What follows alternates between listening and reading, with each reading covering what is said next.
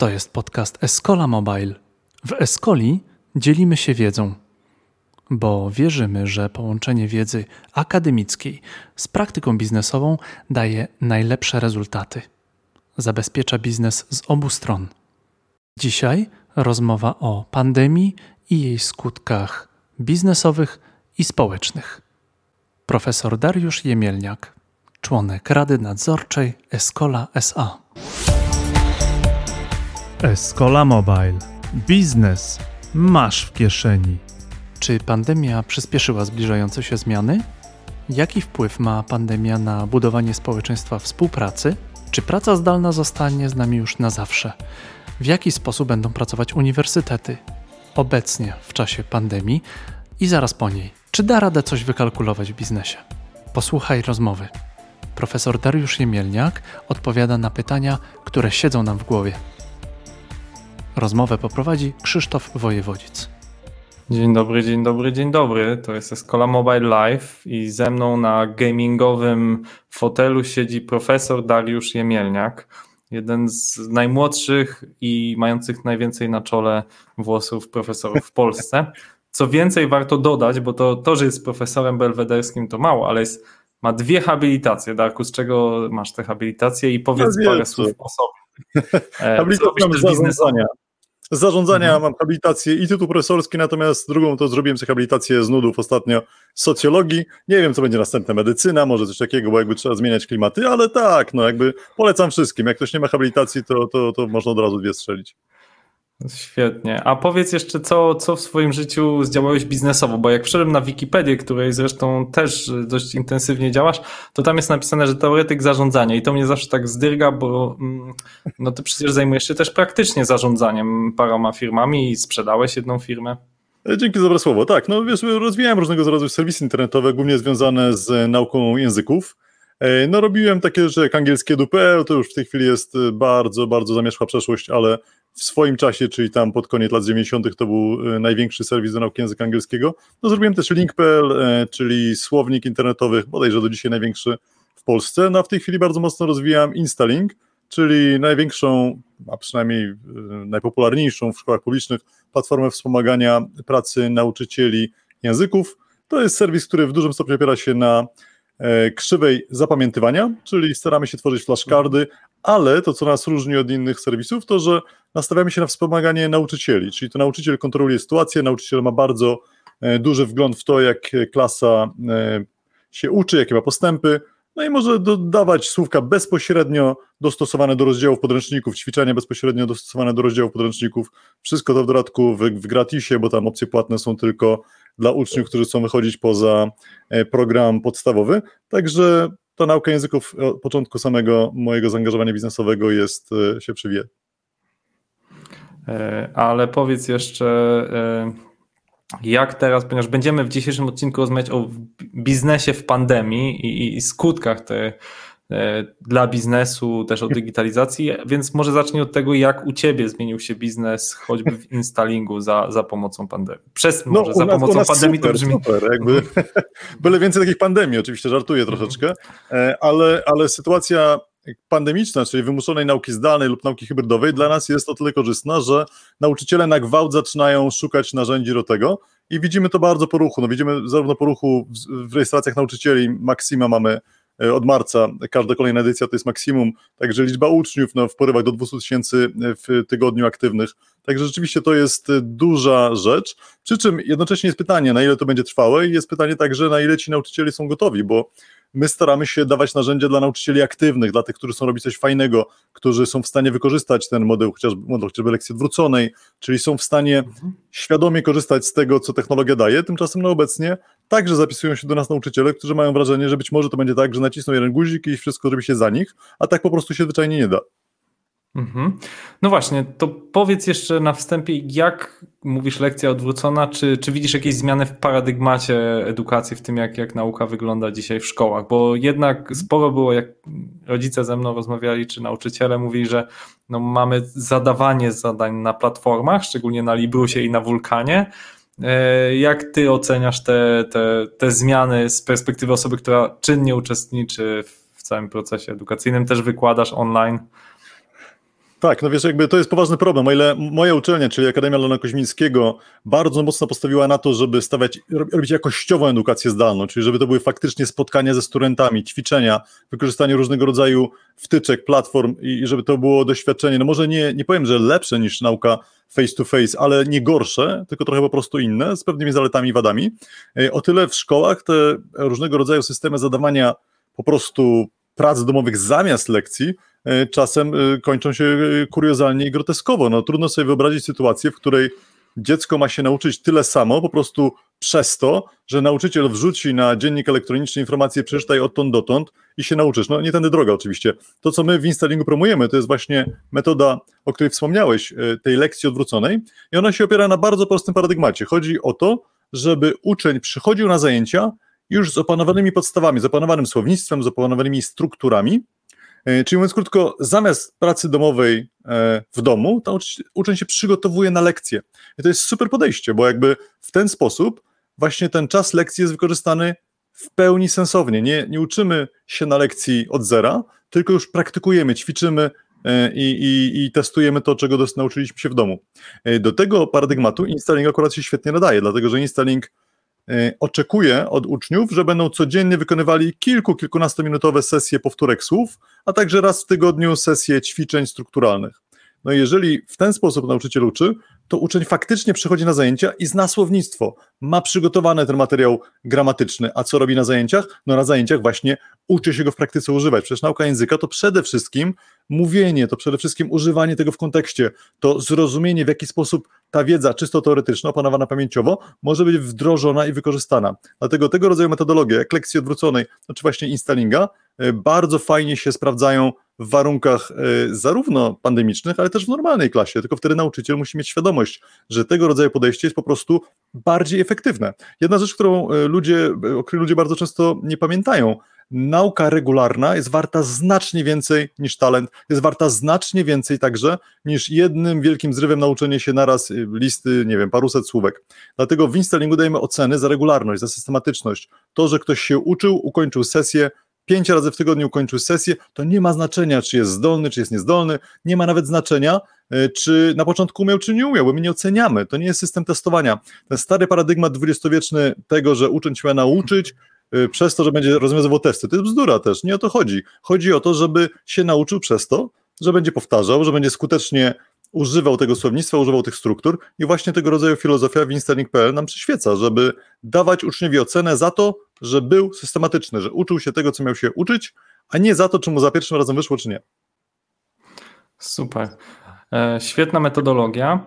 A ciekaw jestem, jak oceniasz te, te zmiany społeczne poza edukacją. Niedawno napisałeś też książkę o, o ekonomii współpracy.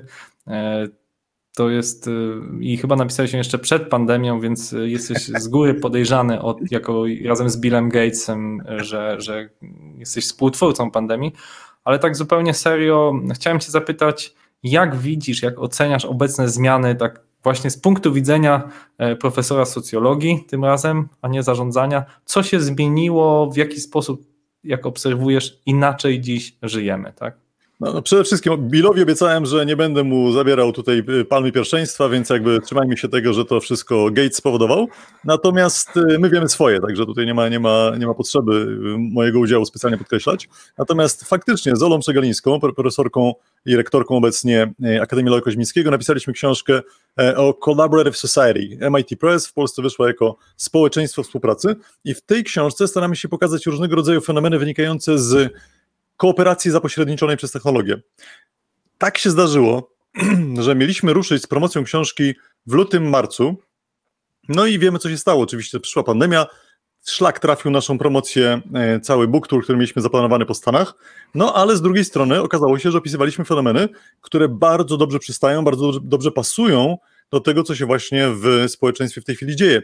Czyli do takich spontanicznych, różnego rodzaju ruchów, nakierowanych na tworzenie fajnych, różnych zbiorowych fenomenów, jak na przykład e, pomoc osobom starszym w robieniu zakupów, szycie maseczek, czy nawet tworzenie respiratorów w 3D. To są rzeczy fenomenalne, które nie byłyby możliwe, gdyby nie technologie komunikacyjne, nie, nie drukarki 3D oczywiście. I społeczeństwo współpracy na tym się właśnie opiera. Ale jest jedna rzecz, która jest bardzo istotna. Społeczeństwo współpracy także, no niestety, ujawniło w tej pandemii swoje pewne dysfunkcje, bo jak spojrzymy na to, mhm. ok, tworzymy respiratory w drukarkach 3D, fajnie, za, świetna sprawa. Tylko, że tak, mamy 20 parę projektów tych respiratorów, e, nie ma komu zdecydować, który jest z nich najlepszy. Wszyscy chcą coś fajnego zrobić, społeczeństwo współpracy e, nie zawodzi. E, nie ma komu tego certyfikować, nie ma komu zdecydować, kto ma to dystrybuować po szpitalach, wreszcie nie ma komu wziąć odpowiedzialności za to, jak te y, urządzenia będą działały, jeżeli komuś coś się stanie. Po prostu nastąpił pewien niedowład instytucjonalny. O ile samo mhm. społeczeństwo współpracy daje radę i jest w stanie już w tej chwili działać w XXI wieku, to instytucje publiczne, państwo, no niestety jest ciągle zacofane. To jest ciągle ten model dwudziestowieczny, w którym od góry ktoś coś zarządza, wprowadzamy odgórny lockdown, wprowadzamy odgórną regulację. To nie tędy droga, zupełnie y, nie w ten sposób należało to zrobić. Gdyby pan premier Morawiecki na przykład w marcu czy w kwietniu powiedział, obywatele, słuchajcie, wejdźcie na tę stronę, tu jest świetny wzór, jak zrobić sobie skuteczną maseczkę, którą nasi e, lekarze, epidemiolodzy twierdzą, że ona jest bezpieczniejsza niż e, normalna maseczka. Ruszajcie, macie maszynę do szycia, to, to róbcie. To byłoby znacznie skuteczniejsze niż składanie zamówienia w Chinach na jakieś różnego mhm. rodzaju produkty medyczne lub paraprodukty medyczne, które później okazało się, że zupełnie nie spełniają fun- swojej funkcji. E, tego rodzaju wykorzystanie społeczeństwa współpracy ma naprawdę bardzo dużą rolę. Także y, obecna sytuacja, zbliżający się pełny lockdown potencjalny, pokazują, że ciągle działamy reaktywnie. W społeczeństwie współpracy trzeba wykorzystywać ten ruch oddolny. Zauważcie, co się stało w ostatni weekend.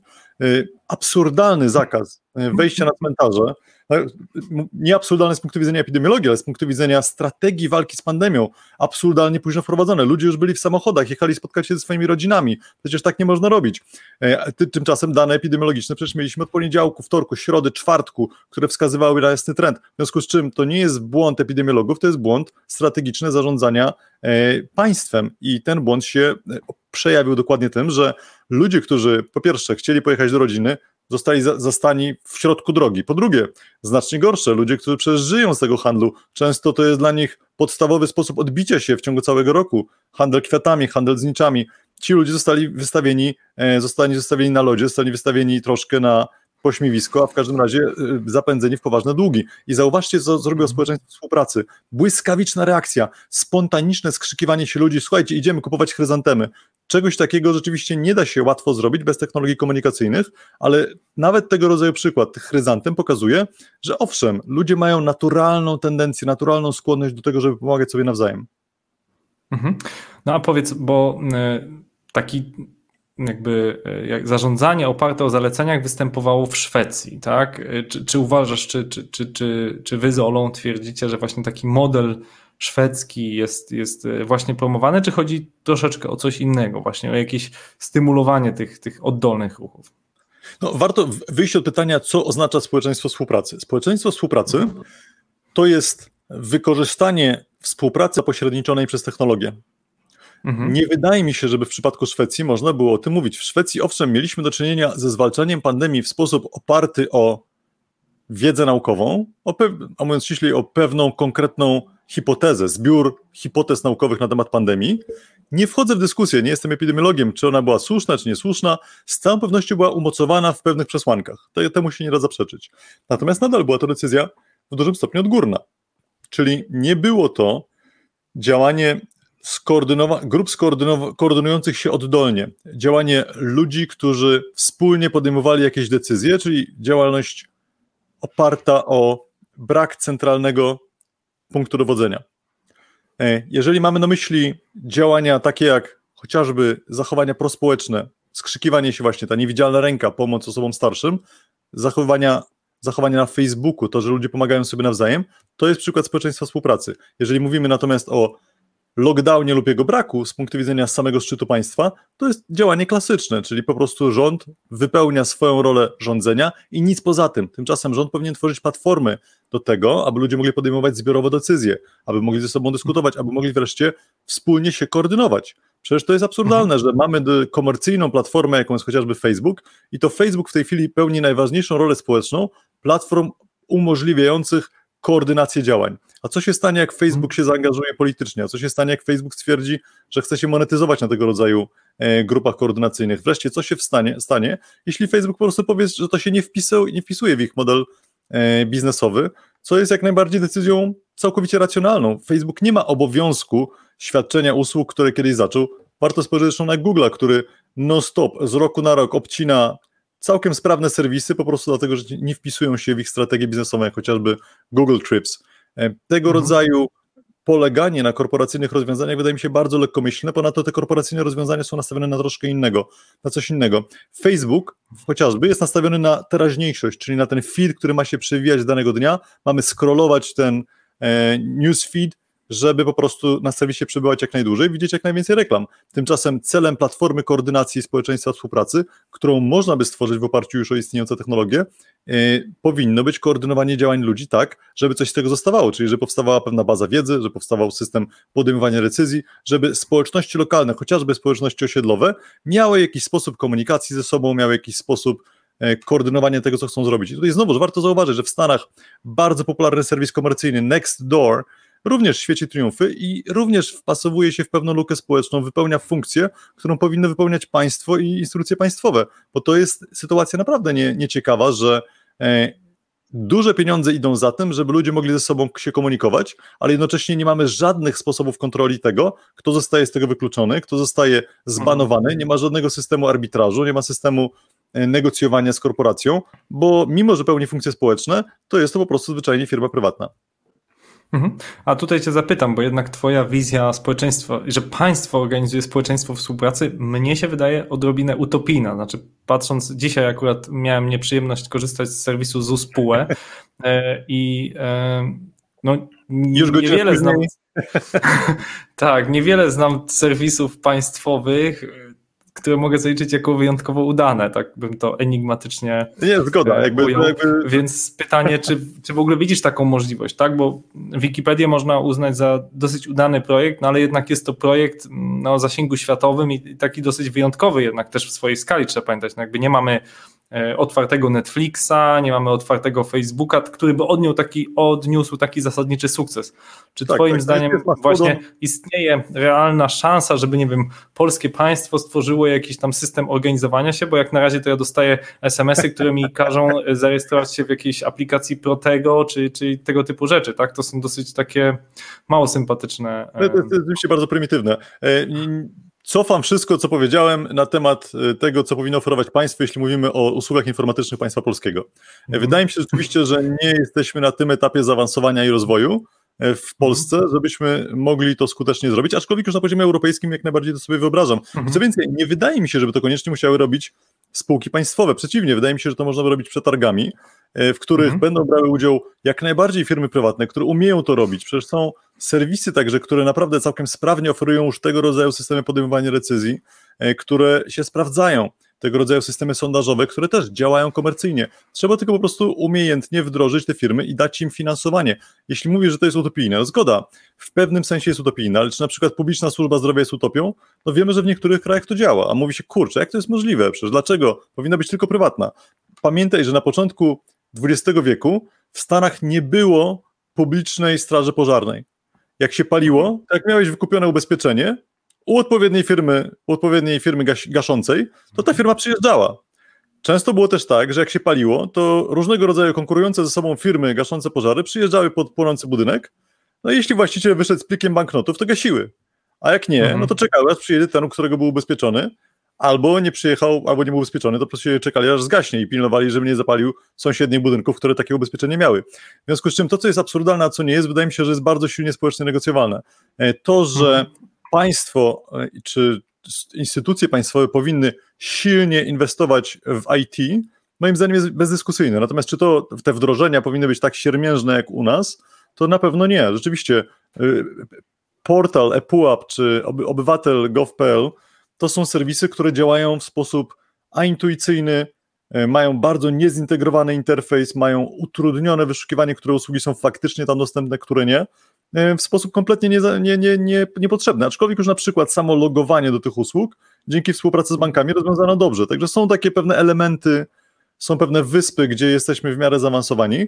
Bankowość elektroniczna w Polsce, nawet super zaawansowana, bardziej niż w Stanach Zjednoczonych zdecydowanie, a są pewne wyspy, no, paździerza i z tym paździerzem trzeba walczyć. Natomiast mo moja teza jest raczej taka, że nie, na, nie stać nas na to, żeby próbować wszystkie problemy rozwiązywać tradycyjnie, dlatego że podejście społeczeństwa współpracy i wykorzystanie IT do rozwiązywania problemów służy także bardzo istotnym oszczędnościom, skalowaniu tego. I zawsze mamy, mamy takie pytanie. Po pierwsze, możemy robić, próbować robić tradycyjnie, tak? czyli trzymamy się edukacji w systemie dwudziestowiecznym, czytamy krzyżaków, uczymy według tego programu, który był kiedyś. Drugie podejście, próbujemy zrobić wszystko zdalnie, czyli mamy takie podejście klasyczne, w którym rządy państw y, rozwijających się łudzą się, że zapłacą za licencję na Coursera i będą wydawały na edukację publiczną 100 razy mniej albo 1000 razy mniej niż wydają. Moim zdaniem ani jedno z tych podejść nie ma sensu. Trzeba szukać rozwiązań pośrednich, czyli owszem, brać to, co jest najlepsze z edukacji face to face, brać to, co jest najlepsze z administracji publicznej face to face, brać to, co jest najlepsze wreszcie ze służby zdrowia face to face, ale uzupełniać to bardzo silnie usługami IT. Zauważ, że ta pandemia pokazała bardzo ciekawą rzecz. Okazuje się, że da się diagnozować zdalnie, tak? Coś, co od dawna. tak, telemedycyna. Jakby tak. Elementarz, tak? Jakby pacjent powinien móc się skonsultować z lekarzem poprzez wideo. I to jest już kwestia wtórna, jak to IT rozwiąże. Czy na przykład będzie tak, jak w jednym ze startupów brytyjskich, że ludzie dostają przystawkę na USB z pomiarem ciśnienia. Czy to będzie tak, że będziemy dostawali specjalną kamerkę? No, why not, tak? Którą będziemy sobie wkładali do ucha, oka czy jakiegokolwiek innego otworu. To są już kwestie technologiczne. E, natomiast kwestią fundamentalną jest to, żeby prawo pozwalało na tego rodzaju konsultacje. Bo ja się nie dziwię prywatnym spółkom, takim jak LuxMed, LuxMed czy Medicover, że one się boją zwyczajnie, bo jakby to jest odpowiedzialność. To, że lekarz tak. ma trudność na przykład z zajrzeniem w gardło pacjenta przez zwykłą kamerkę, fair enough, ale dla niektórych ludzi, ja na przykład bardzo chętnie, ja sobie kupię sprzęt, powiedzcie mi jaki, żebym mógł używać telemedycyny. I w, te, w tym kierunku musimy iść. Pandemia troszkę to podgoniła, ale no niestety, no jesteśmy nadal bardzo, bardzo głęboko w latach 90., 80., jeśli chodzi o mentalność. Już samo szczepienia na grypę, zauważ. No kurczę, zaszczepiłeś się na grypę w tym roku? Chciałem, ale wiesz, nie wszyscy mają dojścia, nie? No właśnie, więc słuchaj, ja też nie miałem dojść, ale zrobiłem tak, no zacząłem polować na, na szczepionkę razem z żoną. E, mhm. Polowaliśmy oczywiście przez serwisy internetowe oferujące informacje. Tomalek, tak? tak do, akurat tak, skorzystaliśmy, skorzystaliśmy z dwóch, ale ktomalek.pl mhm. sprawdziła nam się lepiej niż inne serwisy tego typu. E, mhm. I oczywiście też siermięga, czyli my robimy rezerwację, niby lek jest, a apteka nam po iluś godzinach mówi, że odrzucone, bo nie ma, no bo oczywiście aptekarzowi się nie chce zajrzeć do systemu. Ale koniec końców udało nam się upolować tę szczepionkę. No i co, co jest dalej? My tę szczepionkę zabieramy do domu. Już nie mówię o perypetiach, że oczywiście, że mieliśmy receptę na jedno, a te, aptekarz tego nie chce wydać, niezgodnie z prawem. Wszystko jedno. Mamy tę te szczepionkę w domu i co się dzieje? No, dzieje się tyle, że musimy uzyskać konsultację lekarską, zdalnie oczywiście, czyli po prostu odpowiadam na ileś pytań, które mógłbym równie dobrze zrobić ankietą internetową, a następnie w ciągu 24 godzin powinienem się zaszczepić, umówić na osobną wizytę i się zaszczepić, co jest w chwili obecnej przeciążenia fizycznie. systemu całkowicie niemożliwe fizycznie. E, oczywiście mhm. udało nam się zamówić koniec końców lekarza, który za odpowiednią kwotę przyjechał do nas do domu, zbadał, zaszczepił na własną mhm. odpowiedzialność, ryzykując oczywiście ciężkie więzienie, gdy, gdyby którekolwiek z nas zeszło tutaj. No ale to jest sytuacja absurdalna. W Stanach Zjednoczonych, kiedy się szczepiłem, szczepiłem się, raz mi się zdarzyło w San Francisco szczepić na zapleczu sklepu, gdzie facet no niemalże obcierając sobie o fartuch ręce po przenoszeniu ziemniaków, po prostu przyszedł, dziabnął i, i załatwione. To jest kwestia po prostu pewnych procedur, ustawienia tego, kto może się tak szczepić, czy osoby, które, nie wiem, szczepiły się już paręnaście lat w życiu, e, paręnaście razy w życiu powinny być dopuszczane do tego rodzaju trybu. E, powstaje pytanie, jak to dostosować, ale mhm. koniec końców system jest archaiczny, średniowieczny i tego rodzaju drobne, drobne przypadki można mnożyć, oczywiście są ich tysiące. Mhm. No ja myślę, że to chyba takim najdobitniejszym, e, nie wiem czy wiesz, że nadal nie mamy prawa regulującego pracę zdalną, to znaczy jakby to, że chyba większość pracowników biurowych w tej chwili nie przychodzi do, do biura, czy jest onboardowana, tak, przychodzi, e, jakby jest szkolenie BHP, no to jest, to jest dosyć absurdalne, ale nie ma przepisów, które regulują, że można komuś kazać pracować zdalnie, czy w jaki sposób ja mam zapewnić komuś bezpieczne krzesło, tak jak ty masz e, z pięcioma kółkami, bo to wynika z bezpieczeństwa BHP. Jeżeli ktoś pracuje w domu, tak, tych przepisów nadal nie ma, mimo że już jesteśmy ile temu, pół, już ponad pół roku trwa, trwa pandemia, jakby już druga tarcza jest finalizowana, także sporo się po drodze wydarzyło, a jakby nadal praca zdalna nie jest uregulowana w Polsce. Tak?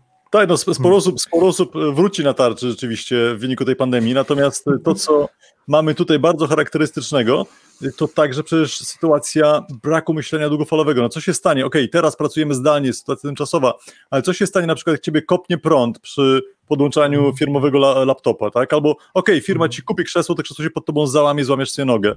Tego rodzaju myślenie jest ciągle nieobecne w ładzie prawnym, a powinno być, przecież kurczę, e, praca zdalna to jest super wynalazek, jest świetna sprawa mhm. i naprawdę w, uważam, że pracę zdalną należy stosować wszędzie tam, gdzie się da, ale jednocześnie wszędzie tam, gdzie się nie da, absolutnie nie należy jej wprowadzać. Czyli jakby musimy mhm. bardzo jasno wyważyć, gdzie to ma przewagi, gdzie ma zalety. Sam siedzisz w IT, wiesz doskonale, to jest przepiękna rzecz, ale jednocześnie całkowity brak kontaktu z ludźmi, z zespołem, no powoduje bardzo poważne koszty. To jest bardzo ciężka sprawa. Ciężko sobie z tym radzić. Powiem Ci nawet mówiąc, że w Fundacji Wikimedia, no wiesz, piąty serwis świata, my sobie radzimy z tym yy, naprawdę nieźle. Mamy ponad połowę pracowników jeszcze przed pandemią yy, pracujących zdalnie. Więc jest to możliwe, ale to wymaga bardzo ścisłego proceduralizowania, bardzo jasnych procedur i też silnej kultury organizacyjnej, plus oczywiście mhm. organizacji, chociażby no, co kilka miesięcy zlotów, płacenia Spotkania. jak za zboże za to, żeby ludzie z całego świata się zlatywali w jedno mhm. miejsce i interagowali, no bo ta kultura jest super ważna. No właśnie, tu Cię chciałem zapytać o świat IT, w którym, w którym obaj dość mocno żyjemy, tak? Jesteś też w Radzie Nadzorczej Escoli, więc jakby masz ogląd taki z lotu ptaka na, na to, co, jak się firma rozwija. E, jednocześnie tak, no Allegro na giełdzie świeci triumf. Cała piątka, ta, ta gafa, no po prostu fenomenalne wyniki, wszyscy się cieszą. Nawet czytałem ostatnio komunikat Facebooka najnowszy, że oni się boją, że pandemia się skończy. To znaczy, że jak się pandemia skończy, to jakby był ich oficjalny komunikat po publikacji wyników za Q3, że są dobre wyniki, ale oni się powiedzą, że wynaleziona zostanie jakby w końcu ta szczepionka, ludzie się zaszczepią i przestaną tyle siedzieć na Facebooku, na przykład zaczną wychodzić do kina, na spacery, nie daj Boże się spotykać na żywo zamiast cały czas czatować, czy Trump, czy Biden, tak? E, to był ich oficjalny komunikat. Notabene nawet sprawdziłem z ciekawości, że drgnęły w dół te akcje Facebooka, mimo ich świetnych wyników, tak, które tam opublikowali. Być może ktoś tam się doczytał, że, że faktycznie istnieje ryzyko. E, no chciałem cię zapytać, ty też sporo siedzisz w Stanach e, i czasami niedawno wróciłeś fizycznie stamtąd. Jak, co tam się dzieje i jak ty to widzisz? Wiesz co, no w Stanach ten rynek zarówno dostaw zdalnych, jak i no w ogóle łańcuchów logistyki zdalnych jest bardzo fajnie mhm. zrobione rzeczywiście to szapoba, aczkolwiek nie mamy się czego wstydzić, no Allegro, paczkomaty, strzał w dziesiątkę, to naprawdę z Impostem e, umowa, innowacje, do których Impost dokonał, to jest coś, co mhm. Amazon musiał nadganiać dopiero w Stanach. W Stanach tego rodzaju system paczkomatowy wprowadzono później, być może zresztą inspirując się Impostem i ogromne szapoba, ogromny szacunek dla i dla Impostu i dla Allegro, że tak fajnie spieli swój model biznesowy, że działa e, no naprawdę w sposób zaawansowany. Natomiast w Stanach to, co jest rzeczywiście godne podziwu, to że bardzo Amazon tak doskonale opanował logistykę, że jest w stanie rzeczywiście bardzo tanio dostarczać rzeczy tego samego dnia lub następnego, co u nas jeszcze jest trudne.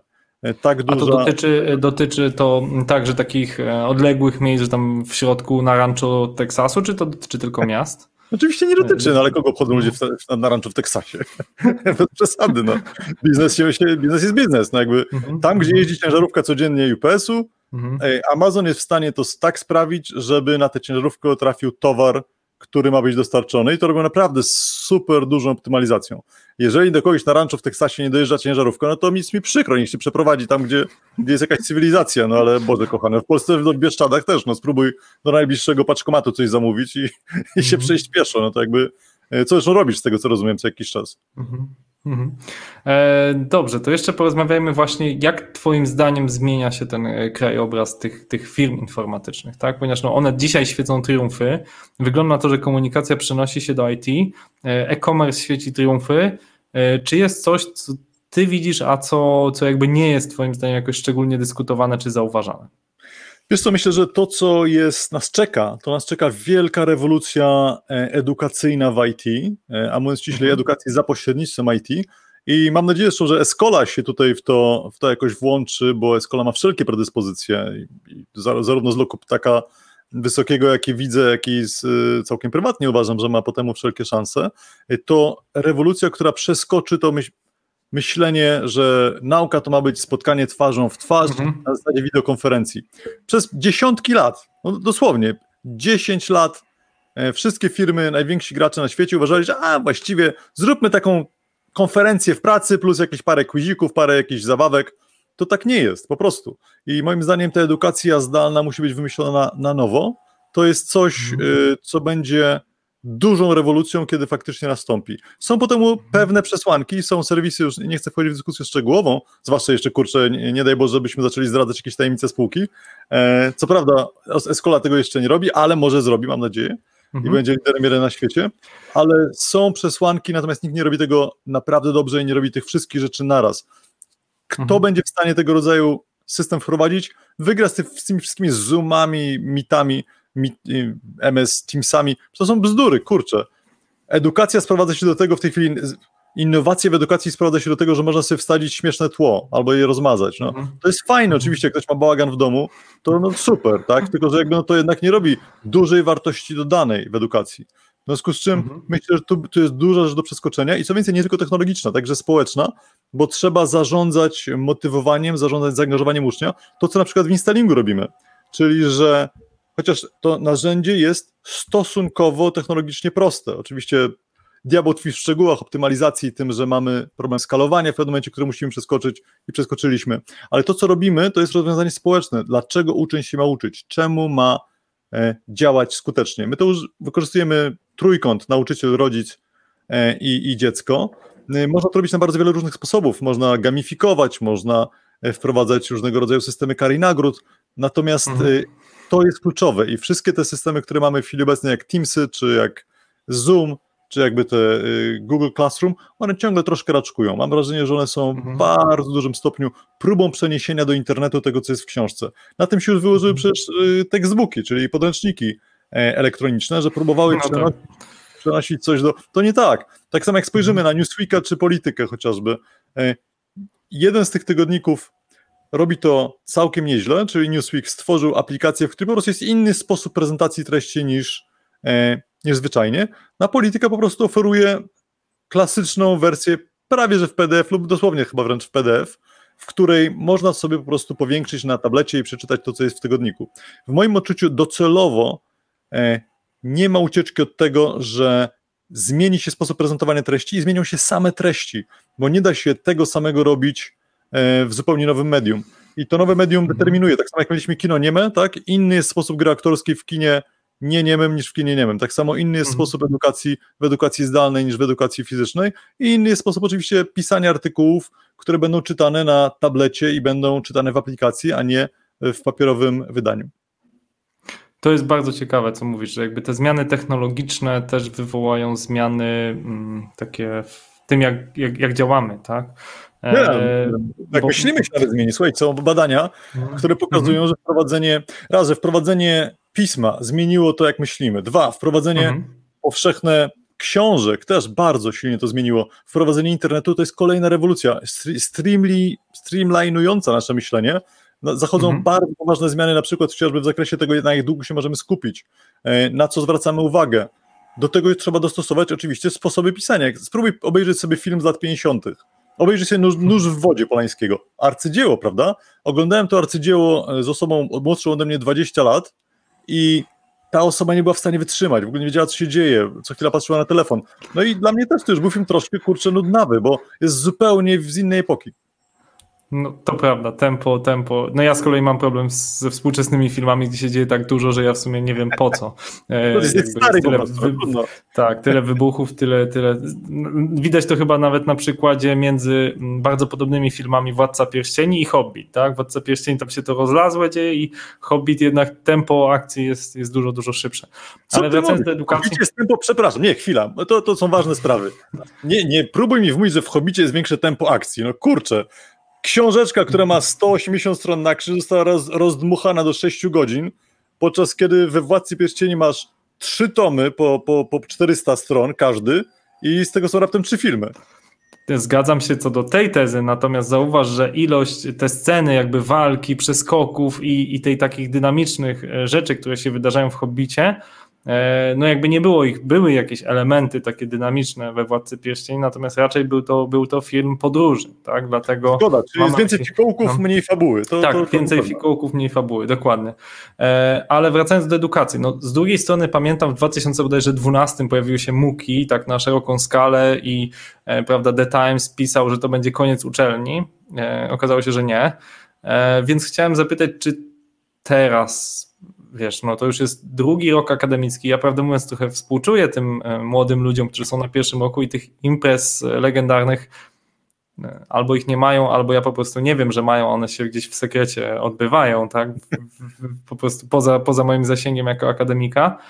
E, jestem ciekaw Twojego odczucia tutaj, tak? Czy, czy zmieni się też paradygmat tego, jak działa uczelnia? Czy na stałe to z, z nami zostanie, Twoim zdaniem, tak? Dajmy na to, że już mamy tą osławioną szczepionkę, dajmy na to, że już wszystko wróciło czy w tym momencie przykładowo e, Koźmiński czy Harvard, który też to musi być w przypadku Harvardu dosyć bolesne, jak ktoś posłał swoje dziecko za tam nie wiem 30-40 tysięcy dolarów rocznie, czy ile się teraz płaci, tak, za to, żeby ktoś miał lekcję na Zoomie, tak? Jak, jak ty to widzisz? Czy to wróci i wszystko będzie po staremu, czy faktycznie coś się na trwałe zmieni?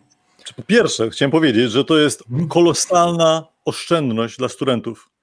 Uczelnie mhm uczelnie ponoszą większe koszty niż ponosiły, bo, bo, są kolosalne koszty IT, natomiast studenci płacą znacznie mniej, w związku z czym uczelnie powinny podwyższać czesne za naukę zdalną, a nie obniżać. To się bardzo często mówi, że studenci narzekają, chcą mieć taniej, bo mają zdalnie. Nie. Koszty są uczelni wyższe, studenckie koszty są niższe, więc jakby logika byłaby taka, żeby im kazać płacić więcej. Tego nikt oczywiście nie robi, bo, bo uczelnie chcą grać fair, natomiast tak powinno być. To co do tego, czy będziemy mieli elementy nauki zdalnej w przyszłości. Moim zdaniem to będzie wynikało w dużym stopniu z tego, czy nauczymy się e, używać tych najlepszych praktyk i najlepszych narzędzi z nauki zdalnej do tego, żeby ona była faktycznie dobra. Powiem Ci, jaki ja mam problem. Jak uczę studentów i miałem w zeszłym, w zeszłym tygodniu miałem spotkanie ze studentami, dla mnie pewnym problemem było to, że na przykład ciężko im było wszystkich przekonać, żeby włączyli kamery. Mhm. I to moim zdaniem to jest kwestia która pokazuje, że jakby problem jest także mentalnościowy po ich stronie, że student ma poczucie, ok, puszczę sobie w tle, tu sobie będę czytał coś tam w internecie, wykład niech sobie leci, ewentualnie pójdzie, nie wiem, pójdzie po ziemniaki do żabki, tak, i zostawi sobie Teamsy włączone na słuchu, no to nie to chodzi. Nauka zdalna wymaga takiego samego lub większego zaangażowania jak nauka fizycznej obecności. W związku z czym, moim zdaniem, to jest niezbędne. Nie dość, że włączenie wideo, ale mocne zaangażowanie, udział w dyskusji. I w ten sposób, ta, taka forma, jak najbardziej powiedziałbym, że moim zdaniem można lepiej realizować edukację, dlatego że mamy super fajne narzędzia. No, mogę, chociażby mhm. od ręki mogę wprowadzić e, sondaż wśród studentów, tak? Słuchajcie, robimy mhm. to czy to. I wiem to od ręki, tak? Jaki jest ich zdanie na jakiś temat, wiem to od ręki w sposób anonimowy, czyli nie muszę, mogę ich pytać nawet, czy drażliwe, a oni mi powiedzą, mimo że, mimo że nie będą, mhm. e, po prostu będą zwyczajnie anonimowi. Tak. E, wykorzystanie różnego rodzaju narzędzi do streamowania im fragmentów. Oczywiście też to mogę robić w czasie zwykłego wykładu, ale jest to troszkę bardziej kłopotliwe. Tutaj mogę to robić od ręki. Mogę też od ręki przydzielać głos komuś i ten ktoś po prostu ten głos ma, jest na pełnym ekranie, jest po prostu jest na scenie, w takiej samej formie, w jakiej y, byłbym ja. Także wydaje mi się, że mhm. natychmiast, tak, od razu. Jakby, wydaje mi się, że tego rodzaju formy, jeśli opanujemy skutecznie, to one powinny zostać, dlatego są lepsze po mhm. prostu. Mhm. I wiem, że się narażam wszystkim, którzy mówią, o, nauka zdalna to nie to samo. Nie, słuchajcie, owszem, to nie jest to samo, ale to może być coś lepszego. Tylko, że znowuż mhm. wykorzystujmy to, gdzie nauka zdalna jest lepsza, ale do tego trzeba poprawić kulturę organizacyjną, kulturę e, studencką w taki sposób, żeby zaczęli to doceniać, bo nie mają poczucia, a przeczekajmy ten semestr, jeszcze może jeszcze miesiąc, jeszcze dwa, na zasadzie trudno, straciłem semestr, ale to nadgonię. No nie, to nie jest stracony semestr, to jest semestr, który powinien być lepszy niż inne semestry. Czemu, czemu tak, tracisz, tak, tak. Tracisz dwie godziny powiedzmy na dojazdy na uczelnię? To nie jest strata? A teraz masz w punkt. Siedzisz w swoim wygodnym fotelu, przed swoim wygodnym komputerem. Nie musisz zakładać gaci nawet, tak? No, byle koszulę założył. E, I nie pytaj, czy mam gacie.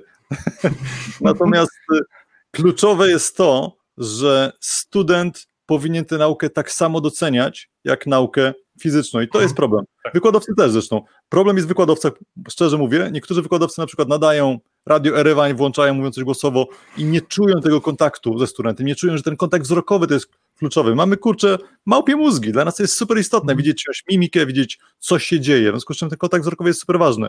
No już nie mówiąc o wykładowcach, którym się zdarza, że jak coś mają narysować, to biorą karteczkę, rysują, podtykają pod kamerkę, żeby, żeby student zobaczył, to oczywiście... No, jeśli mają dobrą kamerkę, to, to okej. Okay. Ja mogę Ci jako ciekawostkę powiedzieć, bo prowadziłem e, w zeszłym semestrze IT Management e, zajęcia, no i prowadziłem je w oparciu o metodykę zwinną, tak jak pracuję w Escoli, czyli, czyli jakby wykład e, tam 3 godziny plus 3 godziny tam ćwiczenia, no to były sprinty, tak? To było podzielone na sprinty. I w związku z metodyką zwinną, no jak wiesz, prowadzi się stand-upy, tak? Czyli jakby wstawaliśmy.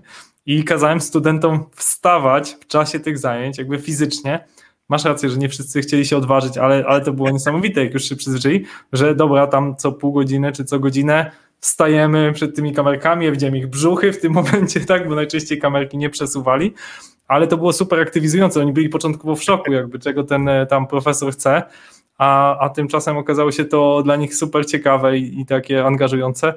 I jestem pewien, że, e, że wielu profesorów wpadło na, na śmieszne pomysły w czasie prowadzenia zajęć, e, choćby właśnie problemem dla mnie była współdzielona tablica, tak, jakby, że chcę, żeby i, I faktycznie w sali no, mamy zazwyczaj jedną tablicę, dwie, więc ciężko o tą interakcję. Natomiast mamy narzędzia jak Miro e, czy Mural, gdzie może go e, 30 osób, 50 osób jednocześnie pracować na, na giga tablicy, gdzie ja widzę jednocześnie, co się dzieje. No to dla mnie było niesamowite odkrycie, jakby żadna tablica najbardziej multimedialna nie zapewni mi tego, tego experience'u. Nie? Dokładnie, czy masz narzędzie tak jak, nie wiem, fan retro, które ci umożliwia jednoczesne zgłaszanie pomysłów, głosowanie na pomysły i pokazywanie, który na którym etapie jest y, przez cały mhm. zespół. Czyli wszystkie te, mówisz, mówisz o Agile'u, to jest bardzo fajne, bo w, w Agile'u akurat moim zdaniem jest doskonały źródło inspiracji, jak i narzędzi właśnie do wykorzystywania. Samo zarządzanie projektami ma mnóstwo narzędzi, które można adaptować do edukacji w bardzo fajny sposób, przy czym no kurczę, to jest adaptacja. Mój, mój wielki żal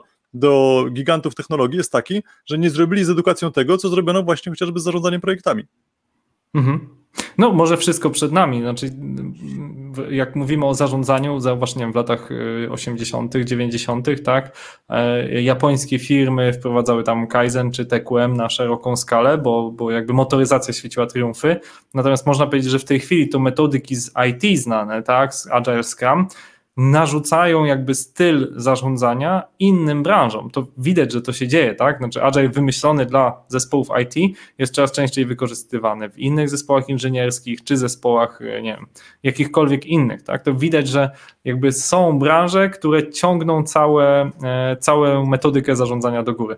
A tu jest swoją drogą mamy ciekawy komentarz od Pawła, który mówi, że właśnie problemem jest skupienie w tym, w tym e, jak mamy zajęcia online, czy, czy, czy rozmawiamy online. I to faktycznie jest zauważalne, bo jak już wspomnieliśmy wcześniej w dyskusji, prawda, łatwo uciec w Facebooka, LinkedIna i te wszystkie inne inne zagrożenia. Może tutaj jesteś w stanie powiedzieć, mamy w tej chwili, przygotowuję e, z Kamilem Śliwowskim taki kurs Cyfrowy Dobrostan. Czy masz na to jakąś, e, jakiś ciekawy komentarz albo poradę? Jak, jak znaczy, po pierwsze, problem jest realny, tak? Jakby nasze mhm. skupienie jest coraz cenniejszym zasobem i bardzo ciężko jest się skupić, ale to niestety nie dotyczy tylko nauki zdalnej. W nauce realnej także mamy przecież pokusy. Mamy powiadomienia przychodzące na zegarek, na telefon, na zajęciach też mam otwarte komputery bardzo często, także ja bym tego nie, e, no nie ograniczał tylko do sytuacji nauki zdalnej. Pytanie, jak sobie z tym radzić? No moim zdaniem clue polega na aktywizacji, czyli na tym, żeby praca w edukacji wymagała ping-ponga, wymiany doświadczeń, mhm. pytań, czasem nawet tak zwanego cold callingu, czyli mówienia, a teraz ty mi powiedz, co uważasz.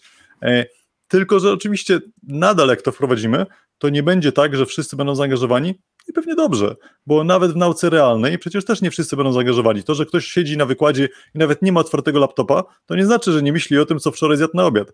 Y, po prostu musimy zdawać sobie sprawę z tego, że problemy, które występują w nauce zdalnej, występują także i gdzie indziej. Chociaż faktycznie z pokusami może tak być, że ktoś, kto siedzi w zaciszu swojego domu i wykładowca nie może mu zajrzeć na ekran, może mhm. mieć większą pokusę, żeby właśnie sobie oglądać koty w internecie zamiast słuchać wykładu, no tylko Trudno. Moim zdaniem to jest coś, czego niekoniecznie musimy przeskakiwać. Nie, nie, nie próbowałem wprowadzić narzędzi kontroli, czyli powiedzmy, tak jak w trybach egzaminacyjnych w wielu systemach się wprowadza przejęcie nad kontrol, kontroli nad ekranem e, użytkownika czy użytkowniczki, moim zdaniem to nie tędy droga, no bo jakby koniec końców ta osoba przychodzi się uczyć, bo chce. Owszem, możliwe, że musi zdobyć dyplom, ale koniec końców no, przychodzi na zajęcia, bo chce się czegoś nauczyć. Jeżeli nie ma ochoty uczestniczyć w zajęciach, dla mnie to jest ok. W związku z czym trzeba przechodzić do trybu, w którym nauka jest pewną ofertą i uczestnictwo w zajęciach jest dobrowolne. Ja zresztą sam preferuję co do zasady takie podejście, e, żeby studenci sami decydowali, czy chcą być na zajęciach, czy nie, a nie podkręcać śrubę narzędziami kontroli i sprawdzanie, czy on aby nie ogląda sobie tych rzeczonych kotów. Mhm. A powiedz mi, bo zapytałem Cię, jak, jak, jak będzie wyglądała nauka za pół roku, za rok, jak już pandemia, daj Boże, się skończy. A jak postrzegasz kwestię pracy zdalnej, tak? Znaczy jakby, wiesz, niektóre branże są super dotknięte i jednak zdalny experience jedzenia na pyszne.pl jest troszeczkę inny niż jedzenia w restauracji pana lepszy. Gesslera czy pani Gessler. Może lepszy w zaciszu domowym plastikowymi sztućcami, może, co kto lubi. E, nie wiem, czy w ogóle te, te, te restauracje Gesslerów oferują dowozy, e, ale może to też będzie jakaś taka innowacja, tak, że, że gdzieś tam będzie jakiś taki experience e, w dowozie. No ale tak zupełnie serio, czy widzisz, jak widzisz kwestię pracy zdalnej za jakiś czas? To jest proces, proces który mnie bardzo dotyka jako prezesa Escoli, no bo mamy biuro które mieści powiedzmy około 40 pracowników w Gdańsku, w Warszawie, w Poznaniu teraz. E, I no, czy, czy pracownicy powinni wrócić do biura, czy powinni być zmuszeni za jakiś czas? No bo widzę, że 40% osób powiedział, że już nie chce wracać do biura jakby nigdy, tak? E, część powiedziała, że jakby ewentualnie jakieś hot deski, no a część, i to niewielka, tak, jakieś 20% osób powiedziała, że im się praca w biurze zdecydowanie bardziej podoba, no bo na przykład nie mają warunków, bo dzieci, e, bo, bo jakieś inne są powody, że wolą rozdzielać bardzo mocno e, pracę od domu. Jak ty widzisz prognozy pracy zdalnej, jak już to się skończy? Przede wszystkim, y, oczywiście żartowałem z tym, że restauracje, doświadczenie restauracji dostarczającej jest e, lepsze niż pójście do restauracji. Sam uwielbiam jeść e, na mieście i bardzo mnie to dotyka teraz, że tego robić nie mogę. Natomiast w przypadku pracy zdalnej, moim zdaniem, przekroczony został już pewien Rubikon. O ile menedżerowie średniego szczebla, zwłaszcza w dużych korporacjach, mieli cały czas poczucie, że jak ludzi nie ma w biurze, to nie mogą nic kontrolować, teraz się przekonali o dziwo i to w dużych firmach, z którymi także rozmawiam, o dziwo wszystko działa. I Mhm. Przypuszczam, że z jednej strony bardzo silną motywacją dla firm będzie to, że jest to obniżka kosztów, nie muszą mieć tak dużych przestrzeni biurowych. Z drugiej strony będzie zwyczajnie kwestia, skoro ludzie tego chcą, to im pozwólmy. Natomiast trzeba będzie zahamować przeciwny, yy, przeciwne wychylenie wahadła, czyli spowodować, żeby zostawało nam to cohesion, to spoiwo kulturowe. I wydaje mi się, że tutaj ty też będziesz miał ten problem. To znaczy, nie wyobrażam sobie, że bez kola nie wprowadziła dużej dobrowolności pracy, dlatego że zwyczajnie nie będzie na to stać. E, mhm. Możliwość tego, żeby wysokiej klasy specjalistów trzymać w biurze, jak tego nie chcą, to jest po prostu kwestia kosztu. Trzeba im więcej zapłacić. Jeśli ludzie mhm. chcą pracować z kanarów, to powinni móc.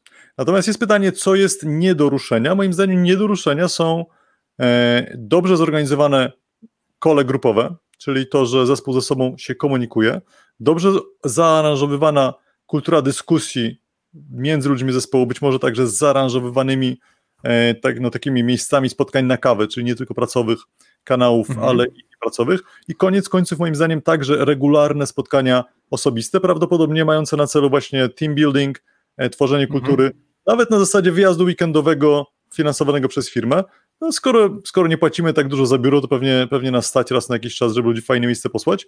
No i w ten sposób bym to widział. Myślę, że w tym kierunku będzie to wszystko dążyć, dlatego że nie ma potrzeby, żeby ludzie wszyscy byli koniecznie na miejscu. Jednocześnie nie możemy sobie pozwolić jako organizacje zazwyczaj na to, żeby ludzie nie mieli ze sobą dobrego rozumienia. My jesteśmy, jak mówiłem, stworzeniami prymitywnymi. Potrzebujemy kontaktu twarzą w twarz, potrzebujemy tego naoliwiania naszych relacji społecznych. No I wreszcie, jak sam zauważyłeś, dla części osób możliwość pracy z biura jest zwyczajnie wygodnym przywilejem, bo mają wtedy spokój, mają poczucie, że muszą iść do pracy, e, mogą zostawić życie prywatne za sobą, a w domu zwyczajnie mogą nie mieć warunków. Także prawdopodobnie będzie do, do tego właśnie dążyło, żeby przestrzenie biurowe redukować, ale nie do zera, e, natomiast wprowadzać prawdopodobnie obowiązkowe wyjazdy e, mające na celu integrację zespołów. Mhm. To ciekawe, bo e, zauważam największą tendencję do chęci pracy z, z domu wśród osób młodych, czy, czy też młodych stażem. Tak? I to widzę jako zjawisko trochę niepokojące, czy te młode osoby dadzą, dadzą radę się zintegrować, czy wdrożyć, ponieważ no ja dużo jeżdżę na rowerze i mi czasem przychodzi taka metafora do głowy, że jak przestaję pedałować, no to cały czas jadę i myślę, no to w sumie skoro jadę, a nie pedałuję, to może wystarczy nie pedałować, tak? To jest taka mylna taki paradoks rowerzysty, powiedzmy. e, ale on trwa bardzo krótko, co wystarczy, jak się nie ma roweru z jakimś napędem elektrycznym, pasywnym, no to, to jest to trudne. I, i zastanawiam się, czy ok, teraz wszyscy dobrze pracują, jest zima, kina zamknięte, na spacery nie za bardzo, do restauracji nie za bardzo, no to trochę w cudzysłowie z braku laku pracują ludzie. Natomiast e, może się okazać, że za chwilę faktycznie może brakować jakiegoś takiego impetu, żeby sobie pomagać, tak? To znaczy, tak jak mówisz, dobrze zorganizowane kole, super, ale czy, czy, to, czy ta tkanka społeczna będzie wystarczająca na tych kolach? Wiesz co, no, doświadczenie y, Wikimedia Foundation pokazuje, że jak najbardziej to jest możliwe. E, mhm. Piąty serwis świata, ponad połowa pracowników pracuje zdalnie, to, jakby to, to, to jednak coś mówi. Natomiast y, wydaje mi się, że do tego są kluczowe procedury, czyli jakby to trzeba naprawdę umiejętnie ustawić. Na tym będzie polegało zarządzanie, nie na tym, że ja chodzę od biurka do biurka, mam tak zwane to management by walking around, to to senevrati, po prostu tego rodzaju metoda zarządzania, że ktoś chodzi po, po firmie i patrzy, czy ktoś się nie obija, po prostu już nie, nie wróci. Natomiast procedury, pilnowanie tego, w jaki sposób raportujemy postępy, znowuż inspiracje mhm. agile'owe, e, z całą pewnością będą wkraczały pod strzechy także w firmach nieinformatycznych, dlatego że to jest bardzo istotne, żeby móc przekazywać pracę od pracownika do pracownika czy pracowniczki, żeby móc raportować postępy, monitorować jak komuś co idzie i tego rodzaju e, kompartmentalizacja czynności będzie coraz w większym stopniu dotykała także prac niezwiązanych z programowaniem. Mhm. Tu chyba masz rację, bo ostatnio miałem taką rozmowę z, z prezesem innej firmy odnośnie e, rozdawania zadań, tak? No bo wcześniej to działało tak, że właśnie prezes się przechadzał po firmie, mówi Jola, tu jest fajny temat, czy chciałabyś to robić? Nie, raczej nie, a ty Stefan, no w sumie mógłbym się tym zająć. I to były takie luźne rozmowy, a, a teraz trochę nie wiadomo jak to wrzucać na tym kanale, na tamtym, jak w jaki sposób to ustalać, gdzie wyczuć ten, ten feeling tej osoby, czy, czy to zadanie chce podjąć, czy nie.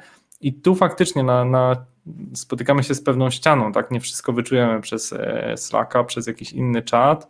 E, no, na wideo tak jak mówisz, wymaga to jeszcze pewnej zmiany paradygmatu. Nie wszyscy odpalają kamerkę, nie wszyscy się tak swobodnie zachowują.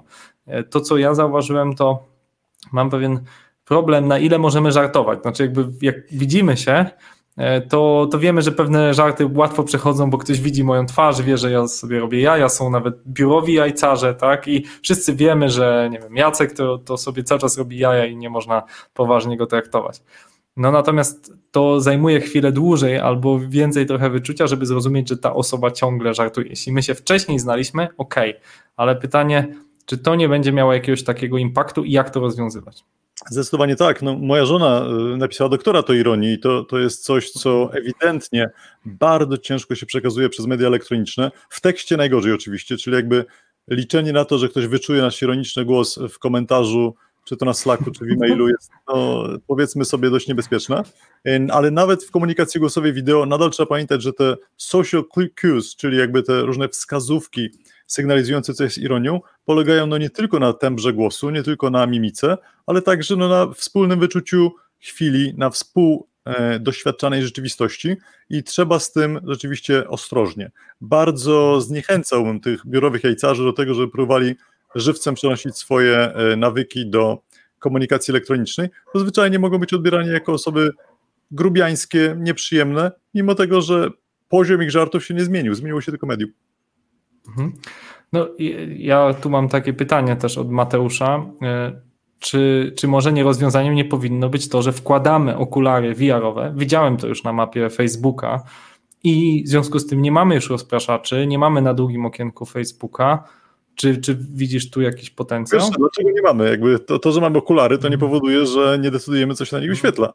E, mhm. Ready Player One był fajnym pokazaniem i książka i film, pokazaniem świata, w którym kraje rozwijające się właśnie postawiły wyłącznie na edukację VR-ową. E, owszem, to jest na pewno przyszłość. E, poszerzona rzeczywistość, czy w ogóle rzeczywistość wirtualna, na pewno może być przyszłością także w edukacji, bo to będzie przyszłość w komunikowaniu się, ale po pierwsze, z jednej strony mamy duże, poważne problemy fizjologiczne i biologiczne, tego, że ludzie na razie przynajmniej reagują słabo na przebywanie wiele godzin e, w wysokorozdzielczościowym środowisku VR, a po drugie mamy problem fundamentalny, że przecież kurczę, nie chodzi o technologię, chodzi o to, co jest treścią. Jeżeli celem tego, żeby VR by miał sens, jest to, żebyśmy przenieśli do VR-u rzeczywistość zwyczajną, to prawdopodobnie to jest za drogie. Dlatego, że taniej jest zapłacić komuś za bilet autobusowy niż kupić mu headset. Natomiast jeżeli celem jest skalowanie liczby uczniów na wykładzie na przykład, czyli to, żeby było 10 tysięcy osób naraz w tym samym wykładzie, to pytanie, jaką to daje przewagę względem po prostu odsłuchania sobie nagrania wideo, co już możemy robić, możemy robić od, od paru dziesięciu lat. W związku z czym e, nie jestem stuprocentowo przekonany, czy na razie mamy dobrą odpowiedź, jak VR zastosować w edukacji. Jestem oczywiście przekonany, że ta technologia, kiedy już wejdzie pod strzechy, będzie powszechna, to się także upowszechni w edukacji, natomiast nie wiem, w jaki sposób zostanie do niej zaadaptowana. Sam osobiście na przykład dla sportu widzę fenomenalne zastosowania w kombinezonach haptycznych. E, to, mhm. że mamy e, re, możliwość odczucia reakcji, chociażby w sportach walki, wyobrażam sobie, że to będzie przełom. Sportu walki będzie wreszcie można uczyć zdalnie, jak będziemy mieli VR i mhm. kombinezony haptyczne. Natomiast czy będziemy mogli w lepszy sposób uczyć, nie wiem, filozofii czy matematyki, to wątpię, szczerze mówiąc, bo nie widzę tutaj dużej wartości dodanej nad zwyczajnie puszczeniem wideo, a, na pewno jest duży, duży niedobory względem faktycznej, fizycznej obecności na zajęciach. Mhm. E, Darku, rozmawialiśmy o perspektywie zarządzania, o perspektywie edukacji, o zmianach e, biznesu, ale na koniec chciałem Cię zapytać o perspektywę konsumentów. Tak? Widać ogromne zmiany na rynku, to znaczy jakby nie możemy pewnych rzeczy robić, czyli choćby pójść do restauracji, to właściwie jest trend światowy, ale są pewne rzeczy, które możemy robić chyba cały czas, ale ich nie robimy. Takim przykładem jest wyjście do kina. E, czytałem, że e, Cinema World e, bodajże, czyli angielska sieć w Polsce znana jako Cinema City, jest w tej chwili, no, oni się ogłosili, że są na sprzedaż, tak, szukają kupca. Myślę, że to będzie naprawdę okazja, jeśli chodzi o poziom cenowy. Lub też no, będą bankrutować, tak, jakby nawet wprost to komunikują, ewentualnie zamkną całą swoją sieć kin, żeby amortyzować swoje straty. E, ich problem jest podwójny, bo nie tylko nikt nie chce przychodzić do kina, no ale też nie ma co tam wyświetlać, bo no niewiele jest nagrywane, nie można organizować planu filmowego w Hollywood. E, jakie widzisz tutaj zmiany konsumenckie, które mogą wpłynąć na nasz biznes, szczególnie jeśli ktoś prowadzi biznes B2C? No i jak zacznijmy od tych kin, bo powiedziałeś o kinach. Pamiętajmy, że kina generalnie rzecz biorąc już były troszkę na wylocie. To, to był model konsumpcji mediów, mhm. który mocno doświadczał przejścia na dystrybucję cyfrową.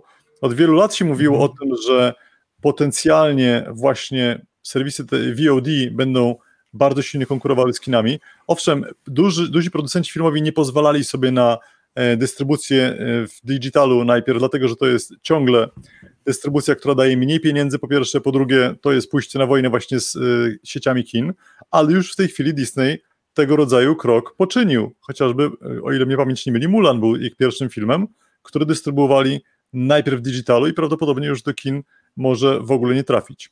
Y, z kinami no to sytuacja jest super ciężka, dlatego że no, decyzja o tym, że chcę spędzić setką osób dwie godziny w słabo wentylowanym pomieszczeniu w momencie, kiedy mamy do czynienia z pandemią, która się przenosi drogą aerozolową i kropelkową, to jest w oczywisty sposób e, ciężkie, zwłaszcza jeśli mam podobne doświadczenie w domu, w kinie domowym.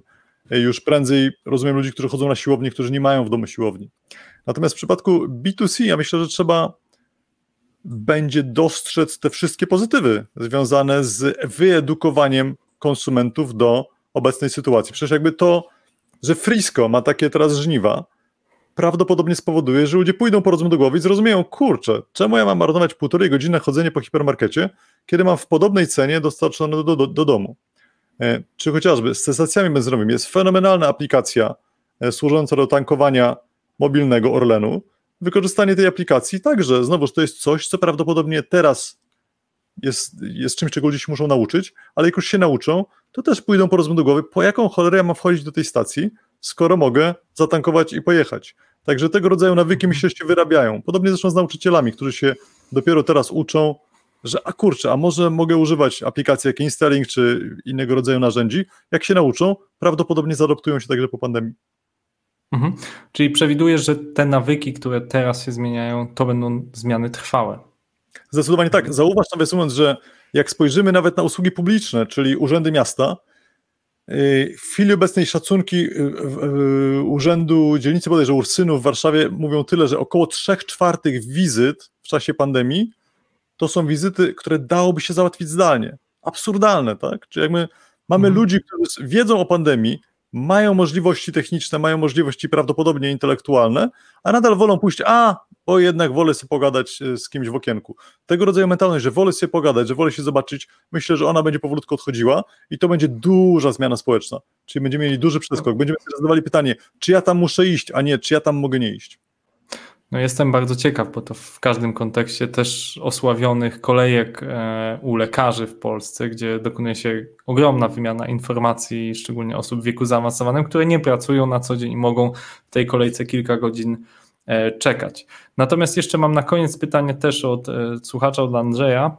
Czy chodzi o efekt ekspresu do kawy? I tutaj myślę, że, że chodzi o to właśnie o poznanie, o te luźne rozmowy, ja bym to ujął szerzej, bo myślę, że to w polskich realiach to jest efekt ekspresu do kawy, ale pamiętam, że Apple zawsze szczyciło się, że ich biuro jest, ten taki okrąg jest zaprojektowany po to, żeby ludzie się tak przypadkowo na siebie wpadali, żeby tak przypadkowo toczyli rozmowy. Mm, no właśnie, czy, czy akurat tego nam nie będzie brakowało? A jeśli no musimy już z tego żyć, to jak to zorganizować online? Znaczy, bo powiedziałeś o tym, że może jakieś kanały, czy masz na to jakiś pomysł, jak to zorganizować, żeby był efekt ekspresu do kawy, efekt networkingu na konferencjach, który jest szalenie ważny, tak? Chyba nie tęsknimy za konferencjami, bo, bo jest świetne wystąpienie, bo no nie wiem, dzisiaj byłem rano na konferencji, merytorycznie tam było wszystko może nawet na lepszym poziomie niż, niż było na żywo, bo, bo nie ma jakichś rozproszeń, nie ma jakichś efektów niepotrzebnych, tylko jest czysta merytoryka. Natomiast brakuje nam tego networkingu. Jak, jak ty to widzisz?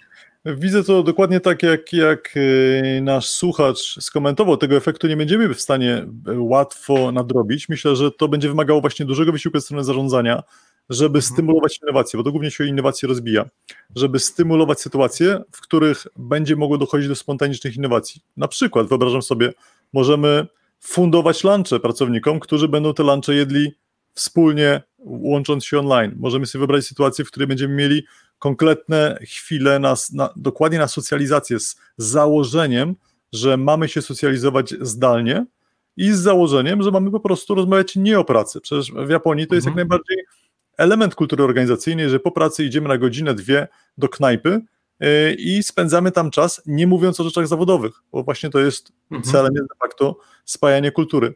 Jeśli chodzi o innowacje, można także to stymulować już w sposób bardziej zaawansowany, wykorzystywać narzędzia zarządzania wiedzą, czyli na przykład zadawać temat, rozbijać na podzespoły i stymulować tworzenie innowacji. No to już jest szerszy temat, który jest dość dobrze już obadany także, e, ale mhm. nie ma przeszkód, żeby wykorzystywać tego rodzaju narzędzia online. Natomiast z całą pewnością musimy pamiętać, że to jest coś, co się stanie, nie stanie naturalnie. Czyli jeżeli mamy w najgorzej zaprojektowanym budynku, nie Apple'a, tylko w starym perelowskim zapyziałym bloku, nadal będziemy mieli efekt e, ekspresu do kawy, natomiast mhm. nawet najbardziej zaawansowanej firmie nie będziemy mieli naturalnego odwzorowania tego efektu w digitalu. Mhm. No właśnie, tutaj e, chciałem o to zapytać, bo e, widziałem, że już pojawiły się w aplikacjach, Escola ma taką aplikację meetinga.com, która właśnie służy organizacji konferencji online.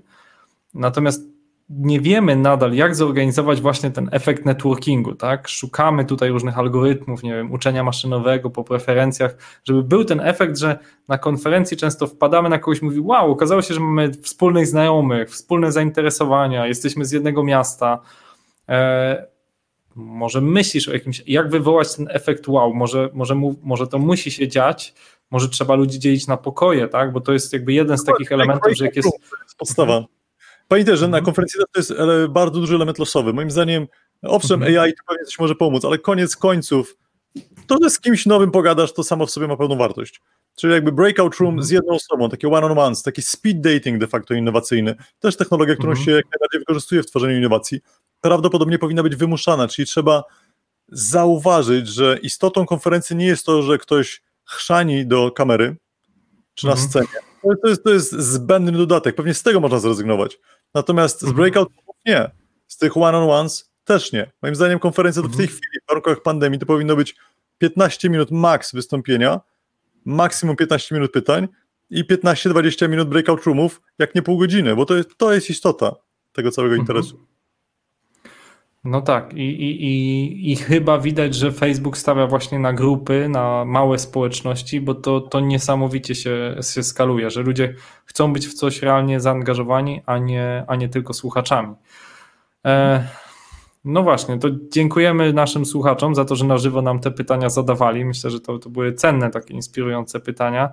Dzięki Darku za ogrom Twojej wiedzy, za, za tutaj i rozmawialiśmy i o pracy zdalnej, i o nowej edukacji, i o skutkach pandemii dla konsumentów. Wielkie dzięki.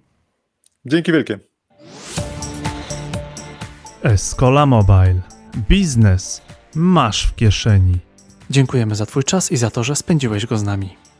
Jeśli ten podcast spodobał Ci się, twierdzisz, że jest w nim coś wartościowego, podaj go dalej. Opowiedz o nim swoim znajomym, udostępnij na social mediach, w LinkedInie, na Facebooku, na Twitterze. To był 46. odcinek podcastu Escola Mobile. Rozmawialiśmy o pandemii i jej wpływie na edukację, biznes, naszą pracę, nasze życie. Dziękujemy za ten czas. Do usłyszenia.